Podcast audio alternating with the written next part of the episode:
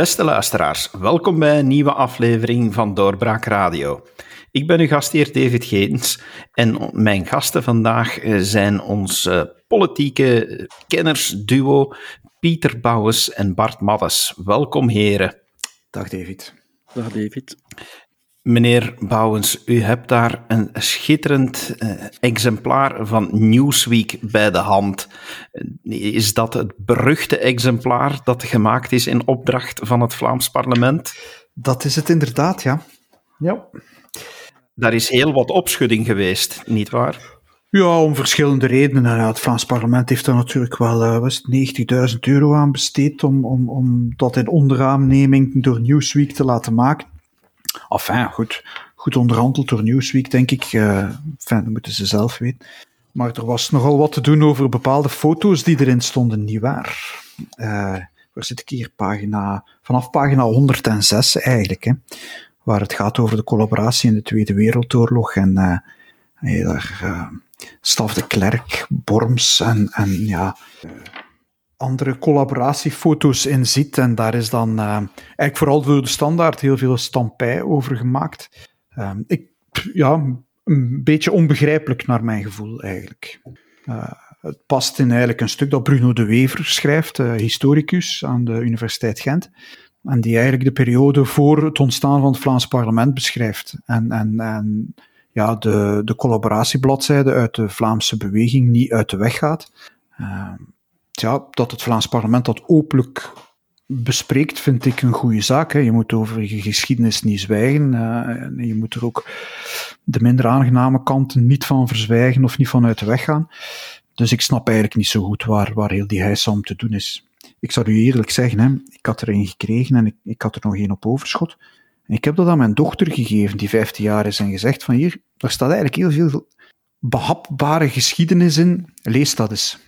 Ik heb nog geen klachten gehoord. Maar professor, waren dat nu zo'n enorme collaboratiefiguren dat we daar eigenlijk moeten over zwijgen? Uh, of is dat uh, weer de cancel, de cancel culture die, die komt opzetten en, en alles wat dat ongewenst is in de geschiedenis wil uitwissen? Ja, we moeten er zeker niet over zwijgen, maar ik denk eigenlijk ook dat niemand daar echt voor pleit om, om, om daarover te zwijgen.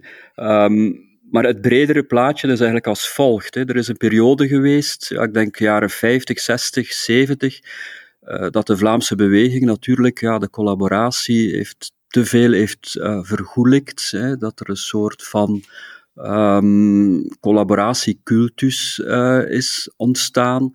Um, dat men ook, ja, wat betreft de repressie, voor een stuk heeft overdreven. Um, in de Vlaamse beweging, dat er een soort, dat er een mythe is ontstaan, um, dat alle collaborateurs misleide Flaminghanten waren. Um, dus ik denk dat we moeten erkennen dat de Vlaamse beweging, dat de Flaminghanten daar toen hebben in overdreven. Uh, en dat verzwakt natuurlijk momenteel onze positie. Uh, maar de jongste decennia zie je dat de slinger helemaal naar de andere kant is overgeslaan. En dat er nu eigenlijk een, een ander overdreven narratief wordt gecreëerd. Hè, van alle collaborateurs waren uh, overtuigde nazi's, hè, waren oorlogsmisdadigers. Uh, en de repressie, ja, dat, dat woord mag je eigenlijk niet meer gebruiken. Hè. Dat was gewoon een vorm van voorbeeldige en, en zelfs eh, genadige rechtspraak. Dus de slinger ja, is, is nu eigenlijk terechtgekomen aan het andere uiterste. En je ziet ook ja, dat als je dat dan een beetje nuanceert, hè, als je eigenlijk zegt wat ik nu kom te zeggen, uh, ja, dan word je onmiddellijk gestigmatiseerd hè, en, en, en belasterd en verwijt men je dat je eigenlijk terugkeert uh, naar dat oude Vlaams-nationale uh, narratief. Um, dus ik denk eigenlijk dat ja, heel, die, heel die discussie verziekt is. Maar ik denk ook wel ja, dat dat er zeker, ook omdat de opiniepeilingen uitwijzen dat een Vlaams-nationale meerderheid binnen bereik is en wel eens zou kunnen bereikt worden in 2024, ja, dat er ook wel een soort van vuile oorlog tegen het Vlaams nationalisme in de maak is.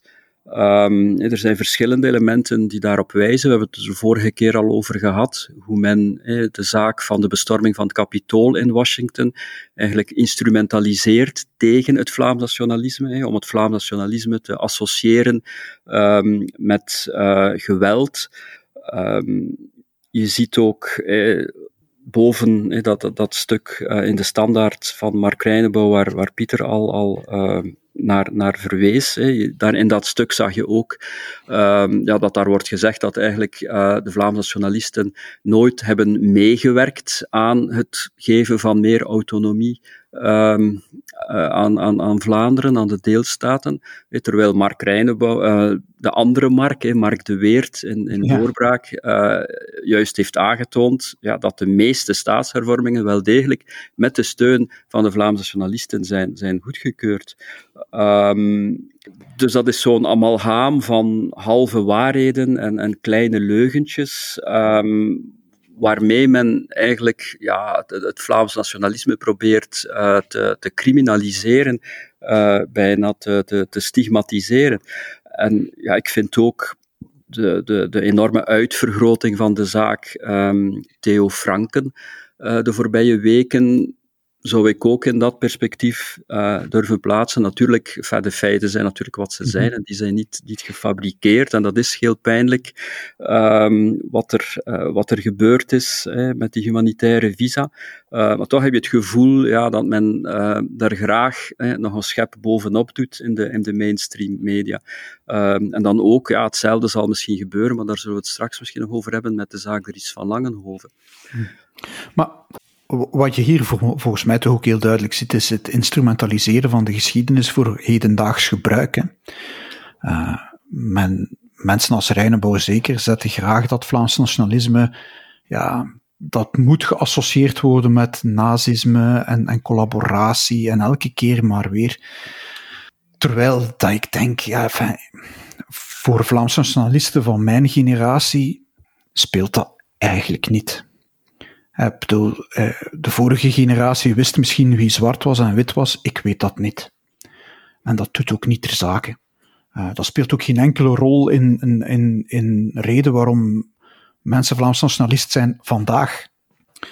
Ik ken weinig. In een vorige generatie was dat misschien nog, hè, omwille van repressie en wat er allemaal was meegemaakt en, en de verhalen die daarover rondgingen. Maar dat is weg vandaag. Maar toch blijft dat elke keer weer opgerakeld worden. Uh, heel interessant daar, daarin vind ik de vergelijking met, met Franstalig België. Je kan op vrt.nu kijken naar uh, Les Enfants du Collaboration, de kinderen van de collaboratie aan, aan Franstalige kant. En daar is het eigenlijk nog een veel groter taboe. Terwijl er daar natuurlijk ook echte ja, politieke, militaire en andere collaboratie was. Maar, maar daar wordt echt over gezwegen. En, en, zo lijkt het in heel dat debat alsof alleen Vlaams nationalisten gecollaboreerd hebben. Dat is natuurlijk niet zo. Meneer Bouwens, u kent heel veel van de Vlaamse beweging.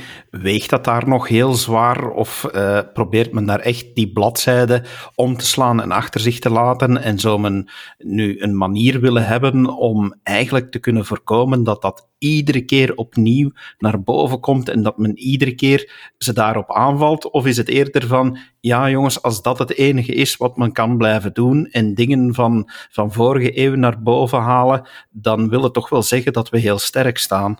Ja, het is een generatiekwestie. Mensen van mijn generatie en zeker jongeren hebben daar geen boodschap aan, zelfs niet aan die discussie. Die kennen ook de finesses van die discussies niet meer. Maar ik ken een heleboel oudere mensen in de Vlaamse beweging die daar nog altijd heel gevoelig voor zijn voor die discussie. Die ook nog altijd heel gevoelig zijn voor ja, de, rationalisering van heel dat debat en, en ook ja, de, de, de repressie, die in hun ogen nog altijd een anti-Vlaamse depressie was. Heel dat narratief leeft nog wel bij een ouder deel. En als je dat, dat ja, wat relativeert, worden die daar heel boos van. Dus dat, dat, ergens leeft dat nog wel. Maar het is iets ja, dat grotendeels voorbij is. Hè. Ik bedoel, ja, het, het, het speelt geen enkele rol in het Vlaams nationalisme van vandaag. Geen enkele. En het speelt ook in de Vlaamse beweging vandaag echt een, een marginale rol eigenlijk. Hier en daar vind je nog wel eens iemand die dat oprakelt, maar ook vaak zonder daar de finesses van te kennen.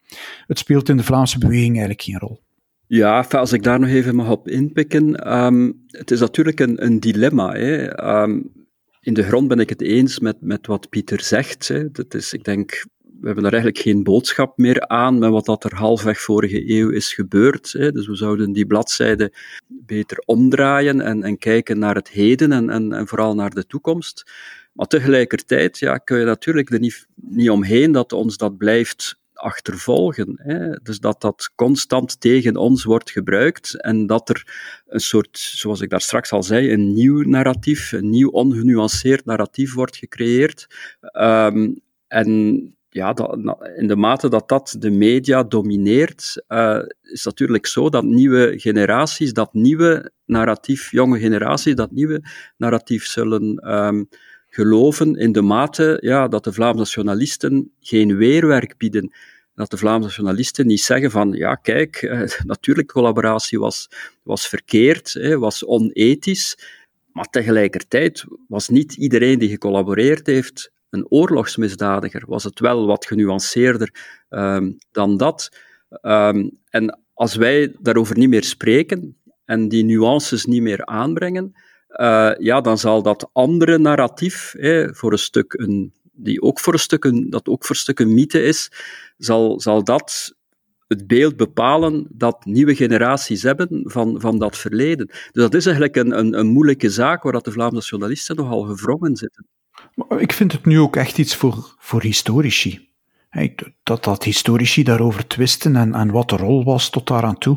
Maar ik vind niet dat, dat de Vlaamse beweging vandaag zich moet uitputten in, in, in debatten over waar ze nu precies staan ten opzichte van wat 75, 70, 80 jaar geleden gebeurd is. Daar verliezen we tijd mee.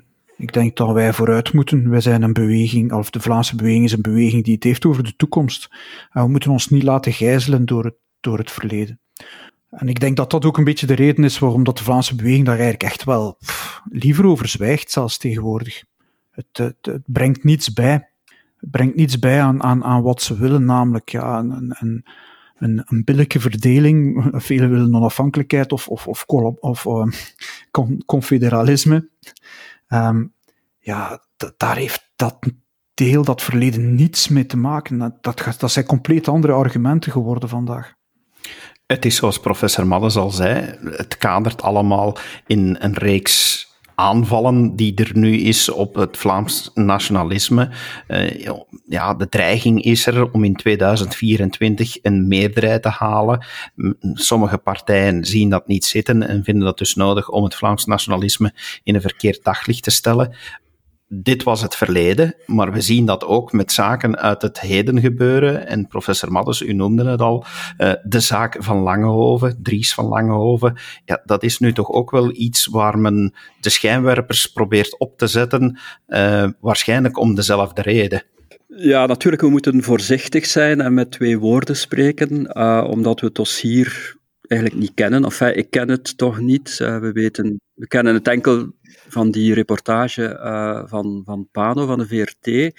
Ehm, dus toch een beetje voorzichtig zijn. Maar wat ik gezien heb in die Pano-reportage, dan moet ik toch wel in alle eerlijkheid van zeggen dat een aantal zaken daarvan mij nogal herkenbaar overkwamen. Ik, ik, ik herkende dat van mijn eigen studententijd. Um, dat ja, zo nogal onnozel gedoe eigenlijk, ja, hoe moet je het anders noemen, um, aangebrande moppen uh, vertellen, uh, ook wel ja, wat gedoe met, met wapens en, en, en zo uh, gebral, stoerdoenerij, ja, puberaal, puberale stoerdoenerij en, en, en zo brallen over, over een staatshervorming of een, staats, of een revolutie, een staatsgreep enzovoort.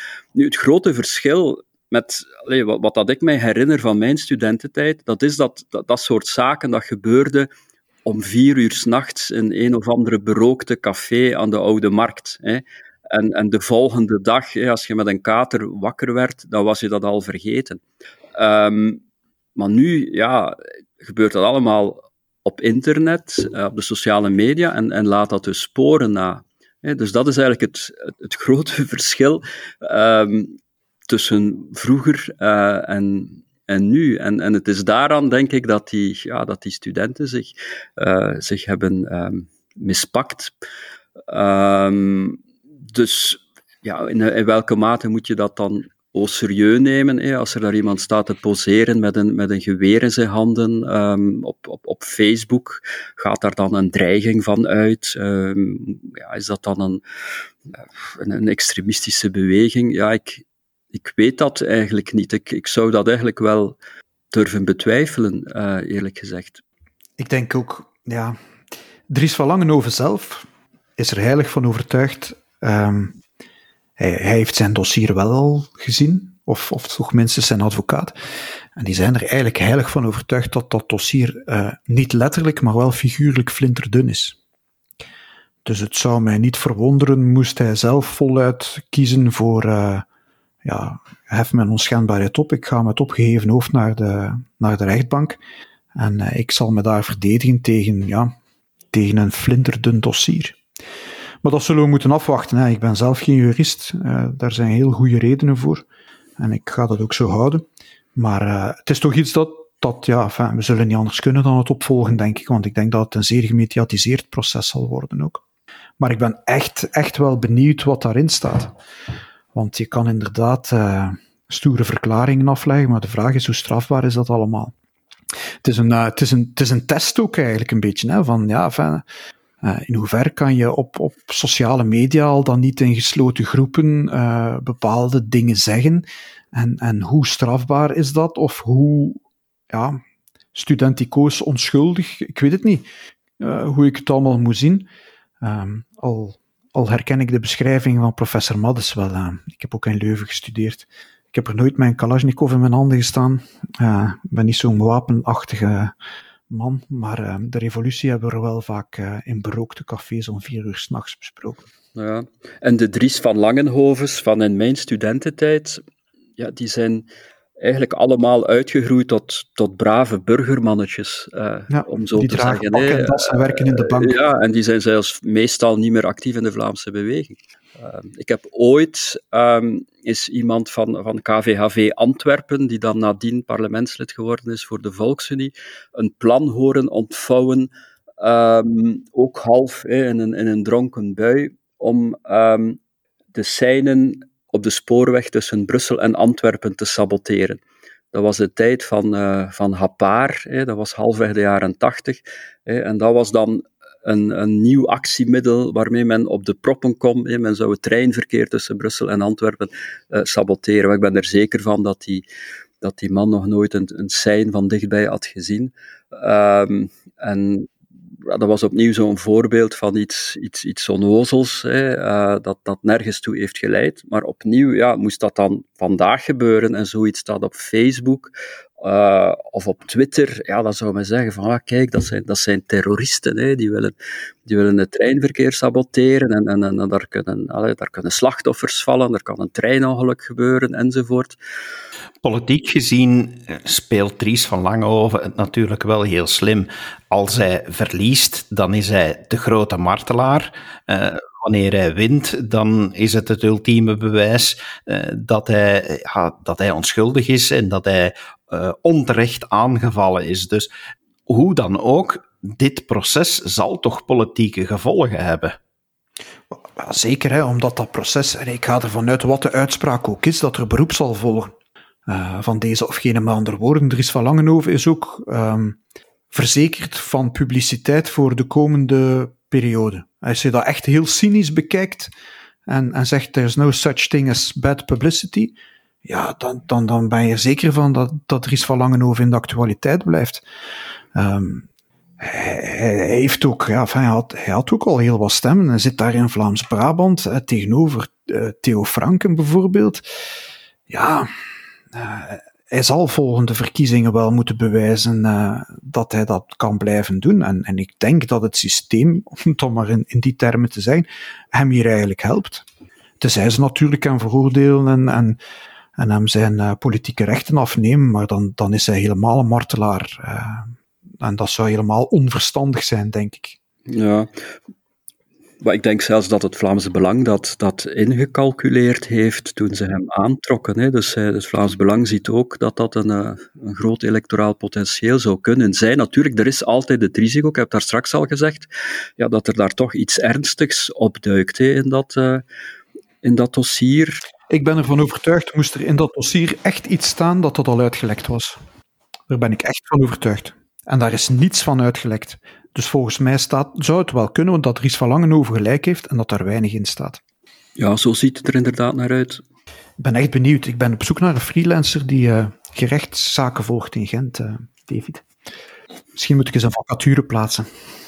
Wel, bij deze is er al een vacature geplaatst naar iedereen die luistert naar onze podcast. Wie weet uh, lever, levert het iets op.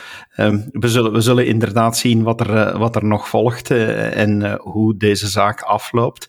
Um, om dan even over te schakelen, we blijven natuurlijk binnen de, de, Vlaamse partijen en de V-partijen wie van jullie heeft, nou, eigenlijk een, een, een idiote vraag, maar wie van jullie beiden heeft gekeken naar de nieuwjaarstoespraak van Bart de Wever in uh, een grote, lege Mechelse Nekkerhal? Ik heb er stukken van gezien, moet ik toegeven. Ik heb de tekst gelezen, dus de PDF uh, staat op de website van de, van de NVA. Ik vind het altijd veel, veel efficiënter om de tekst te lezen dan om, om te luisteren uh, naar de toespraak. En professor, wat is u opgevallen in de tekst? Ja, ik vond dat er eigenlijk niets verrassends um, in zat. Enfin, het, enige, maar dat is ook uitgebreid in de media gekomen, uh, ja, dat, dat is toch een soort, ik kan niet zeggen een schuldbekentenis, maar een erkenning dat de zaak uh, Franken toch wel heel, heel pijnlijk uh, was voor de, voor de NVA. En, en dat dat de NVA allicht nog een tijdje zal, uh, zal, zal achtervolgen. Um, maar voor de rest vond ik het ja, nogal een, een standaard speech. Dus wat hij eigenlijk altijd doet, dat is gewoon uh, het lijstje van ministers overlopen en, en uh, bloemetjes uitdelen naar de verschillende ministers. Um, natuurlijk, ja, dat, dat lijstje is nu natuurlijk wel iets korter dan, uh, dan, dan, dan vroeger, toen, toen de NVA ook in de um, in de federale regering uh, zat. En voor de rest um, ja, is het het verhaal van de NVA die, uh, die geprankt zit um, tussen de Vivaldi-partijen enerzijds en dan de antisysteempartijen anderzijds, hè, waarmee dan natuurlijk vooral uh, het Vlaamse Belang bedoeld wordt, waarbij ik me dan altijd de vraag stel van ja, is de NVA dan eigenlijk zelf geen antisysteempartij, aangezien dat die partij toch altijd, eh, naar het zeggen van Bart de Wever zelf, een systemische verandering wil, dus eigenlijk het, het, het systeem zeer grondig wil, wil hervormen. En zelfs eh, volgens de statuten van de partij voorstander is toch nog altijd van um, een onafhankelijk Vlaanderen. Um, dus dat, ja, dat, dat, dat kwam opnieuw terug in de, in de toespraak. En dan natuurlijk ook ja, het narratief dat er bijna een akkoord uh, was bereikt met, uh, met Paul Magnet, met de PS, over een, uh, een confederale hervorming. Um, maar dat er dan een aantal partijen waren die daar niet in wilden meegaan. Um, en dat dat dus bijzonder jammer is. Hè, en dan volgende keer beter. Hè. Dus het is dus duidelijk dat dat het, plan A is van de NVA om in 2024 uh, opnieuw ja, die, die onderhandelingen um, te herbeginnen met de PS en dus die, die draad opnieuw uh, op te pikken. Um, en dat Bart Wever er dus wel blijkbaar goede hoop op heeft dat dat in 2024 dan wel zal lukken. Ja, ik vond ook, enfin, heel dat narratief van um, wij zijn opgelicht, um, waardoor zij zelf eigenlijk ook een beetje ja, meer slachtoffer zijn dan, dan, dan iemand die actief iets, iets aan de heel die Kucham-zaak gedaan heeft. Ze, zijn, ze stellen zich ook voor als slachtoffer, maar goed, de realiteit is dat Franken beschadigd is natuurlijk. Hè. Uh, en de partij zelf ook. Hè. De partij die toch um, zichzelf in de markt wil zetten als een, um, een goede bestuurspartij. En vandaar ook die, die, dat risico voor die Zweedse regering genomen heeft. En dat je nu toch ziet dat dat een, nou ja, een smet op hun blazoen als goede, goede huisvaderpartij, als goede regeringspartij. Eh. Dus dat is toch, ja, als je alles bij elkaar bekijkt, is het eigenlijk, ja, goed, niet zo groot, maar goed, het is toch een, eh, een vernedering. Hè. Het is lekker of Pieter Jan de Smet uh, van ter zake vroeg aan, uh, aan de Wever moest het bij een andere partij gebeuren, dan, dan springt u daar ook op. En dat is natuurlijk zo. Uh, politiek is zo, wie een klein beetje zwakte vertoont, krijgt iedereen over zich. En dat is, dat is wat de NVA nu overkomt. Um, ik vond ook dat hij, ja, fijn, hij kon niet anders dan ook een beetje over Vivaldi, uh, een beetje op de kap van Vivaldi zitten om een oppositie te voeren. En daar voel je dan toch ook weer dat ze die Vlaamse trom weer voeren. Hè. Uh, uh, Vivaldi zal zorgen dat de begroting verder uit evenwicht geraakt en verdere putten graaft. En het zijn de Vlamingen die dat zullen betalen. Uh, ja, weinig verrassend wat mij betreft. Ehm, ik vind wel, ik, ik, kijk toch een beetje naar wat er vandaag gebeurt en die, die houding van NVA tegenover Vlaams Belang. Uh, goed wetende dat ze eigenlijk, ja, zoals ze zelf zeggen, onderhandeld hebben. en nu zegt de Wever, ja, dat leek me daar een convenabele mens, die het Tom van Grieken. En, en ja, hij was heel bereid om toegevingen te doen, verder dan ik dacht. Maar als ik hem nu bezig zie, dus dan keert hij een beetje terug. Ik vind dat, ja, fijn. Dus, dus ik, ik zie dat als een gewoon politiek spel. Uh, de Wever kan moeilijk naar de verkiezingen gaan met zeggende met de NVA van, uh, uh, ja, we gaan samen een coalitie vormen met Vlaams Belang als dat kan.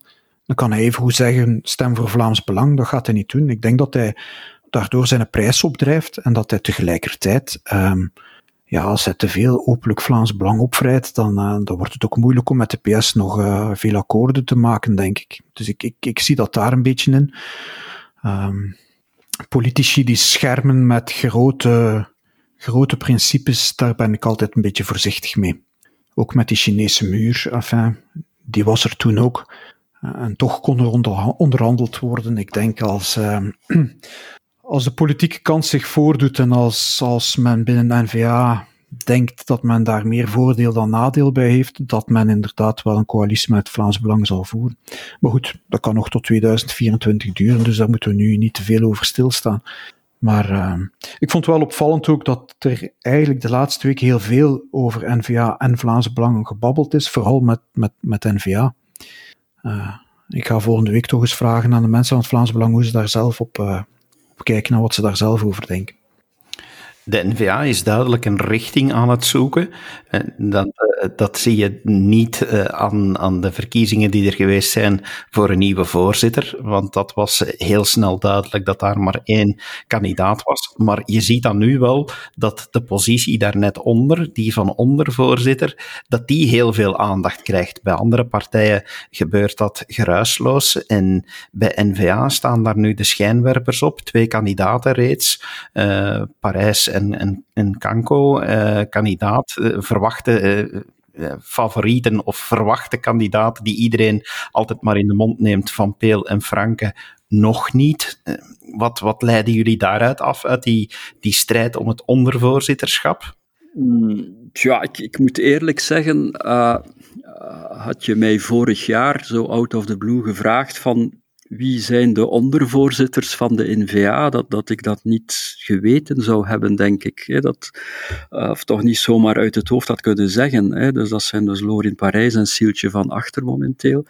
Um, en als je dan dus eigenlijk de, ja, de, de, het, het dagelijks bestuur eh, bekijkt van de NVA, waar dus die, die twee ondervoorzitters samen met de, met de voorzitter en de, en de penningmeester en de secretaris inzitten, uh, ja, dat, dat, is duidelijk dat dat niet de topbesluitvormers zijn van, van de NVA. Hè. Dat zijn niet de politieke zwaargewichten van de, van de NVA die in dat dagelijks bestuur uh, zitten. Um, dus ik denk, allee, heel die discussie over, over wie nu de ondervoorzitters zullen worden, dat dat een beetje much ado about nothing is. Um, maar natuurlijk, dat wordt, wat, dat wordt opgeklopt um, in, de, in de media, dus de, de pers zit daar heel dichtbij. Uh, ook denk ik vooral om, omdat men ja, probeert te zoeken uh, naar, naar tegenstellingen, conflicten, een, een, kloof binnen de NVA. Eh, dan eh, tussen Theo Franken, eh, die, dat is dan de rechtervleugel, dat is dan degene die, uh, die, die gaat voor een coalitie uh, met Vlaams Belang, eh, terwijl dan Anneleen van Bossuit, Valerie van Peel en, en Lorin Parijs, dat zijn dan de, de, meer gematigden, de centrumvleugel, die, die, die moeten dan niets weten van een mogelijke coalitie met, met Vlaams Belang. Dus ik denk dat men uit deze verkiezing, wat dat er dan ook uit de bus komt, dat men dan daar allerlei gevolgen zal, over, eh, zal, zal uittrekken over hoe verdeeld is de, is de partij nu en, en, en, en is het nu de rechtervleugel of de linkervleugel die, die gewonnen heeft. Terwijl ik eigenlijk denk dat, dat, dat, dat, ja, dat die verkiezing te onbelangrijk is om daar veel gevolgen uit te kunnen trekken. Ik, ik ben het daar wel en niet mee eens. Ik denk dat het misschien wel wou, de media misschien wel wou overdrijven. Maar zeker, ja, de partij is eigenlijk wel zeer centralistisch georganiseerd. En ja, er is het formele en het informele machtsnetwerk. En uh, als je ook kijkt, uh, ja, de vorige ondervoorzitter, uh, Sander Lones, werd dan ook minister. Um, maar als je ook ziet, ja, eens minister af, is hij heel snel eigenlijk een beetje naar de zijkant verschoven en zijn plaats als ondervoorzitter was ingenomen en, en iemand anders neemt dat in en, en krijgt toch wel een bepaalde grotere machtspositie binnen die partij. Ja, de Wever is een, uh, een voorzitter op zijn manier, is, is in het verleden niet altijd even aanwezig geweest, hoor ik vaak. En dan heb je dan toch een bepaalde rol voor die, uh, voor die ondervoorzitters. Um, het is zo dat, dat er altijd veel aan, aan, aan, aan vastgehangen wordt. Hè. En, en men zegt vaak, er zijn geen vleugels of geen strekkingen binnen de NVA. En dat is natuurlijk waar en niet waar. Wat er niet is binnen de NVA, dat zijn vaste groepen. Uh, vaste groepen die, die, die, zoals je bijvoorbeeld uh, binnen de CDMV dat wel hebt of had, hè, met de Boerenbond en het ACW en dergelijke meer de coalities die er binnen, hè, de strekkingen die er binnen de NVA zijn, degene die daar deel van uitmaken, dat, dat kan zich van onderwerp tot onderwerp, dat verschilt dat vaak. Ook in die partijraad, laat ik mij vertellen. Deze strijd krijgt natuurlijk wel extra licht doordat men ervan uitgaat dat, die, uh, dat degene die nu deze positie inneemt, dat die een opstap neemt naar uh, de opvolging van Bart de Wever. Is, is, is dat terecht? Ik weet dat niet. Ik, ik denk dat niet eigenlijk. Voor een deel wel. Hè. Je, je begint natuurlijk met een heel goede positie, omdat je de interne keuken kent. Je weet wat er binnenin, je kent, je kent de belangrijkste spelers. Je kent de, de machtscircuits en de beslissingscircuits die er formeel en informeel zijn in die partij. Dus dat weet je dan allemaal wel en, en daar ken je de juiste mensen voor. Maar uiteindelijk, uh, een opvolging voor, voor Bart de Wever, ik blijf erbij dat dat een riskante zaak is voor die partij. Men gaat dat heel goed moeten organiseren, of je krijgt uh, het risico dat je elf kandidaten hebt en dat die partij ja, vechtend over straat rolt, of het scheelt niet veel. En ik denk dat de Wever dat zelf ook beseft en, en, en vandaar zo terughoudend is ook om, om terug te stappen. Maar ik zou daar niet te vergaande conclusies aan, aan verbinden. Nee, ik ook niet. Maar wat, wat Pieter daar straks zei, is natuurlijk helemaal waar en ook wel belangrijk. Dat is dat er, er is geen blokvorming in de, in de NVA. dat was het grote probleem bij de Volksunie vroeger. toen had je uh, in de, na verloop van tijd had je echt twee, twee vaste blokken die, die met getrokken messen tegenover elkaar stonden. En, en iedereen wist van elkaar, van die zit in het, het, Vlaam Nationale Blok en, en, en die zit in, ja, hoe moet ik het noemen, het, het, centrum-linkse of het regionalistische blok. Um, en dat is natuurlijk, in, in, zo'n context is een uh, voorzittersverkiezing altijd enorm gevaarlijk, hè, omdat je dan een, een, uh, een wedstrijd krijgt, een conflict tussen de twee blokken. En elk blok heeft dan een, een, een kandidaat voorzitter. Dat was toen uh, Geert Bourgeois versus uh, Patrick van Krunkelsven. Um, en, en, en ja, het, als het, ene blok de macht kan, kan grijpen, ja, dan gaat dat altijd ten nadele van het andere blok. Dus ik denk, aangezien het inderdaad zo is dat die blokvorming er vandaag niet is binnen de NVA, dat, dat de, partij wel een, een echte voorzittersverkiezing aan zou kunnen. Hè. Het probleem vind ik eerder dat zo'n voorzittersverkiezing, dat je eigenlijk, eh, dat is altijd een beetje een tombola. We hebben dat ook gezien bij, bij CD&V. Uh, dus u weet, het is heel onvoorspelbaar wie daar, wie daar uiteindelijk uit de bus zal komen. En nogthans, ja, het verkiezingsresultaat hangt in grote mate af van het talent en van de persoonlijkheid en het charisma van de, van de voorzitter. Hè. Dus het, de boegbeelden, ja. De boegbeelden, ja. Dus de vraag is, ja, zo'n partij er niet, niet verstandiger aan doen om, om, om zo echt iemand te, te casten. Hè? Wat, wat Bart de Wever trouwens uh, een tijdje geleden, een aantal jaar geleden, ook, ook gedaan heeft. Hè? Op een bepaald moment heeft hij gezegd van, hè, Sander Lones, uh, ik, zie dat ik zie die als mijn, mijn opvolger. Al hij heeft misschien niet met zoveel woorden gezegd, want ik kwam er toch min of meer uh, op, op, op, op neer. Dus dat is natuurlijk een manier om, om die onvoorspelbaarheid van die voorzittersverkiezing, uh, om, om die wat te verminderen en te beheersen. Ik vraag me ook altijd af in zo'n geval, um, wat is er op voorhand geregeld? Je gaat mij niet vertellen dat zo'n partij dat zomaar als een tombola laat afhangen van die partijraad, of dat er eigenlijk eerder een soort geleide loting is. Dat, dat is zoals met het verkiezen van een paus. Hè. Je mag geen, geen uh, campagne voeren en er mag onderling niet gesproken worden en er mogen geen afspraken gemaakt worden, maar iedereen doet dat wel. Hè, die kardinalen maken onderling afspraken, uh, stemafspraken. En, ik denk dat er ook binnen afdelingen en binnen die mensen van die partijraad die elkaar ook kennen, dat daar wel over en weer wordt getelefoneerd en dat er wel uh, campagnes. En, en, dus ik vraag me ook af hoe, in hoeverre wordt dat vanuit de partijtop ook niet een klein beetje, proberen ze dat niet een beetje te sturen.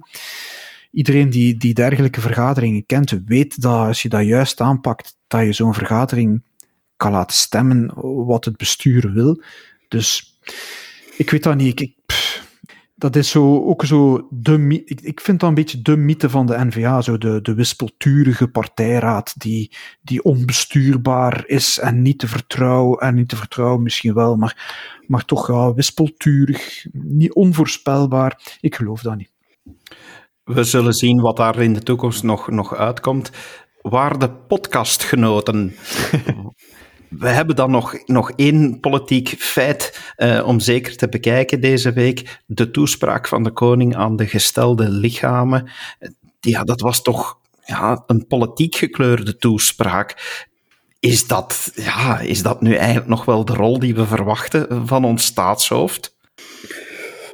Ja, ik vond wat de koning gezegd heeft nu niet echt zo vreselijk uh, chockerend. Um, dat is in het verleden wel anders geweest. Ja, ja, in het verleden. Het, is duidelijk dat, dat koning Filip zich politiek meer op de vlakte houdt in het algemeen uh, dan, dan zijn vader. Hè. Um, zijn vader heeft zich een aantal keer laten gaan in um, tirades tegen de, de separatisten enzovoort. Dus Filip is verstandig genoeg om, om, om dat niet te doen. Um, maar wat ik eigenlijk wou, wou zeggen, is dat het grote probleem met die, met die toespraken is dat je niet weet van ja, wie is daar eigenlijk aan het woord. Hè? Uh, dus constitutioneel gezien um, is de koning onverantwoordelijk hè, voor, zijn, voor alles wat hij doet. Hè? Het is de regering die daarvoor verantwoordelijk is. En het is ook de regering die in het parlement ter verantwoording geroepen kan worden voor, voor alles wat de koning doet in de uitoefening van zijn publieke functie. Uh, dus, dus de koning zelf kan, kan niet geïnterpelleerd worden. Uh, en, en dus wat die toespraken betreft, ja, dat betekent dat, dat de koning altijd die toespraak um, voorlegt aan de regering. Nu, in de praktijk uh, is dat blijkbaar een, een flinterdunne procedure. Hè? Dus dat, de, de, de koning legt die toespraak voor tijdens de de audiëntie met uh, de premier. En de premier leest dat even en zegt van het is goed. Uh, dus dat, dat komt blijkbaar niet op de, op de ministerraad. Uh, in de praktijk is het eigenlijk de, de kabinetchef die die, uh, die, die toespraak schrijft. Dus daar zit eigenlijk, daar is een voortdurende ambiguïteit. Hè, van is het nu de koning als persoon die een bepaald standpunt verwoordt, die iets zegt, Uh, of, of is de koning eigenlijk gewoon de spreekbuis van de, van de regering? Is dat een soort situatie van ja, een soort buikspreker, de regering als buikspreker uh, en de koning als pop? Um, dus dat, ja, dat, dat weet je eigenlijk niet. Hè. In feite zou het veel logischer zijn mocht gewoon, hè, naar aanleiding van, van nieuwjaar of naar aanleiding van, uh, van kerstmis, mocht de eerste minister een toespraak geven. Een, een, een, een politieke toespraak, waarvoor hij dan ook als eerste minister politiek verantwoordelijk is en politiek ter verantwoording uh, geroepen kan worden uh, door het parlement. Als er nu een incident is rond de toespraak van de koning, zoals het geval was met de kersttoespraak in 2012. Herinner u dat koning Albert toen um, ook fulmineerde tegen, uh, tegen de Poujadisten en de populisten. Duidelijk met de NVA in het achterhoofd, die dan de lokale verkiezingen van 2012 uh, eh, gewonnen had. Um, dat heeft toen geleid tot heel wat commotie en, en controverse. Uh, en toen is er dus effectief uh, een interpellatie geweest in de Kamer. Um, en, en heeft dus de, de toenmalige premier, Di Rupo, ja, daarover verantwoording moeten afleggen. Ik, ik ga er altijd vanuit dat de koning gewoon de, de, de luidspreker van de regering is. Uh, en goed, ja, ik vond het weinig weinig verrassend eigenlijk. Filip houdt zich meestal wat op de vlakte en nu kreeg je daar nog wat uh, Belgische borstklopperij bij, die uh, heel goed in de Vivaldi-kraam past. België die het voortouw neemt in de strijd tegen COVID. De cruciale rol die ons land daarin speelt en, en de fantastische regering die we hebben. Na een democratisch lang proces hebben we nu een, een volwaardige regering. Ja, enfin ja, goed, je mag blij zijn dat je geen gesteld lichaam bent en, en dat moet uitzitten. Uh, maar voor de rest heeft dat uh, weinig relevantie, vrees ik. Maar er staat dan toch wel die ene politiek geladen zin in, eh, die je, die je net aanhaalde, meneer Bouwers, is inderdaad dat democratisch proces. Dat is toch eigenlijk een terechtwijzing naar, naar de woorden van, van NVA, van Bart de Wever, die, die het altijd maar heeft over de legitimiteit van deze regering. Dus daar zat toch een soort van politieke terechtwijzing in, of, of zie ik dat nu verkeerd? Wat kan niet anders zijn?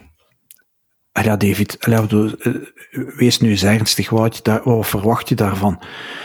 En, en grote, grote conclusies zou ik daar nu niet aan vastknopen. Enfin, de, de koning is een marionet, verdedigt zijn de regering waar hij aan vasthangt. Het is onnozel, meer kan je daar eigenlijk niet over zeggen. Hè. Bedoel, iedereen ziet, als je vandaag ook naar de politiek kijkt en ziet hoe, hoe Magnet eigenlijk speelt met de Crow, om dan te zeggen ja, dat, dat, dat een fantastisch concept is, hoe dat deze regering gemaakt is, of dat toch mensen laten uitschijnen, ja, dan, dan, dan, er wordt veel gezegd over fake news, maar uh, er zal niemand zijn die dat, die dat fact-checkt, maar misschien zouden we dat toch beter eens moeten doen. Het is natuurlijk wel zo, ja, dat formeel juridisch bekeken heeft de koning natuurlijk gelijk. Hè. Ik bedoel, uh, Daar hebben we het vorige keer ook over gehad. Ja, dus die regering is uh, het resultaat van een, van een democratisch proces dat, dat volledig constitutioneel correct is verlopen. Hè. Ik bedoel, daar, daar valt eigenlijk geen speld uh, tussen te krijgen. maar als het dan toch gaat ja, over, over het constitutionele, wat ik altijd veel problematischer heb gevonden en, en waarvan ik me ook heb ja, waarover ik me heb verbaasd dat de, dat de media dat zo gemakkelijk hebben laten passeren, dat is het feit hè, dat plots in augustus vorig jaar de koning een rol is beginnen spelen in de regeringsvorming. Dus herinner u in augustus, terwijl er een, een volwaardige regering was, die, die het vertrouwen had gekregen van het parlement, weliswaar een minderheidsregering, maar wel een, een, een volwaardige regering. Dus op dat moment had de koning eigenlijk geen rol meer te spelen. En de constitutionalisten hadden dat ook al gezegd. Hè. Een keer dat er een regering is, um, ja, dan verdwijnt de koning op de achtergrond tot op het moment dat die regering ontslag neemt. En dan is de koning opnieuw uh, aan zet. Maar het feit dat de koning zich toch is beginnen moeien met die regeringsvorming, Um, door de aanstelling van, van, van, van um, de, ja, de, ik, weet al niet meer wat de titel precies was, verkenners en onderhandelaars enzovoort, vanaf, vanaf augustus. Ja, dat was eigenlijk ongrondwettelijk en dat creëert ook een heel belangrijk precedent voor toekomstige uh, regeringsvormingen. Dat betekent eigenlijk dat de koning om het even wanneer ja, kan beginnen tussenkomen hè, en, en, en zou kunnen achter, achter de rug van de bestaande regering uh, zou kunnen beginnen zoeken of, of uh, beginnen uh, onderhandelingen te starten over de vorming van een alternatieve regering. Dus dat is een belangrijk precedent. Ehm, constitutioneel heel, heel betwistbaar. En nochtans ja, heeft men daar eigenlijk in de media heel weinig spel over gemaakt. En de constitutionalisten, ja, die eerder hadden gezegd van dat kan niet, ja, toen het dan wel gebeurde, ja, dan zwegen die natuurlijk.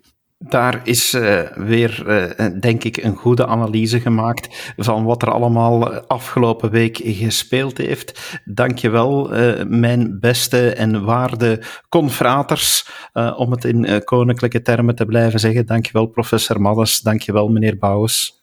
Graag gedaan. En uw beste luisteraar, dank u wel dat u geluisterd hebt naar deze podcast. Blijf zeker ook luisteren. Volgende week is het weer aan ons ander duo Drabbe en de Vos. En zo kan u blijven volgen bij Doorbraak Radio wat er allemaal gebeurt in ons politiek landschap. Dankjewel en tot de volgende keer. Dag. Dit was een episode van Doorbraak Radio, de podcast van doorbraak.be. Volg onze podcast op doorbraak.be/slash radio of via Apple Podcasts, Overcast of Spotify. Bezoek ook onze website op doorbraak.be en steun ons door een vriend te worden van Doorbraak.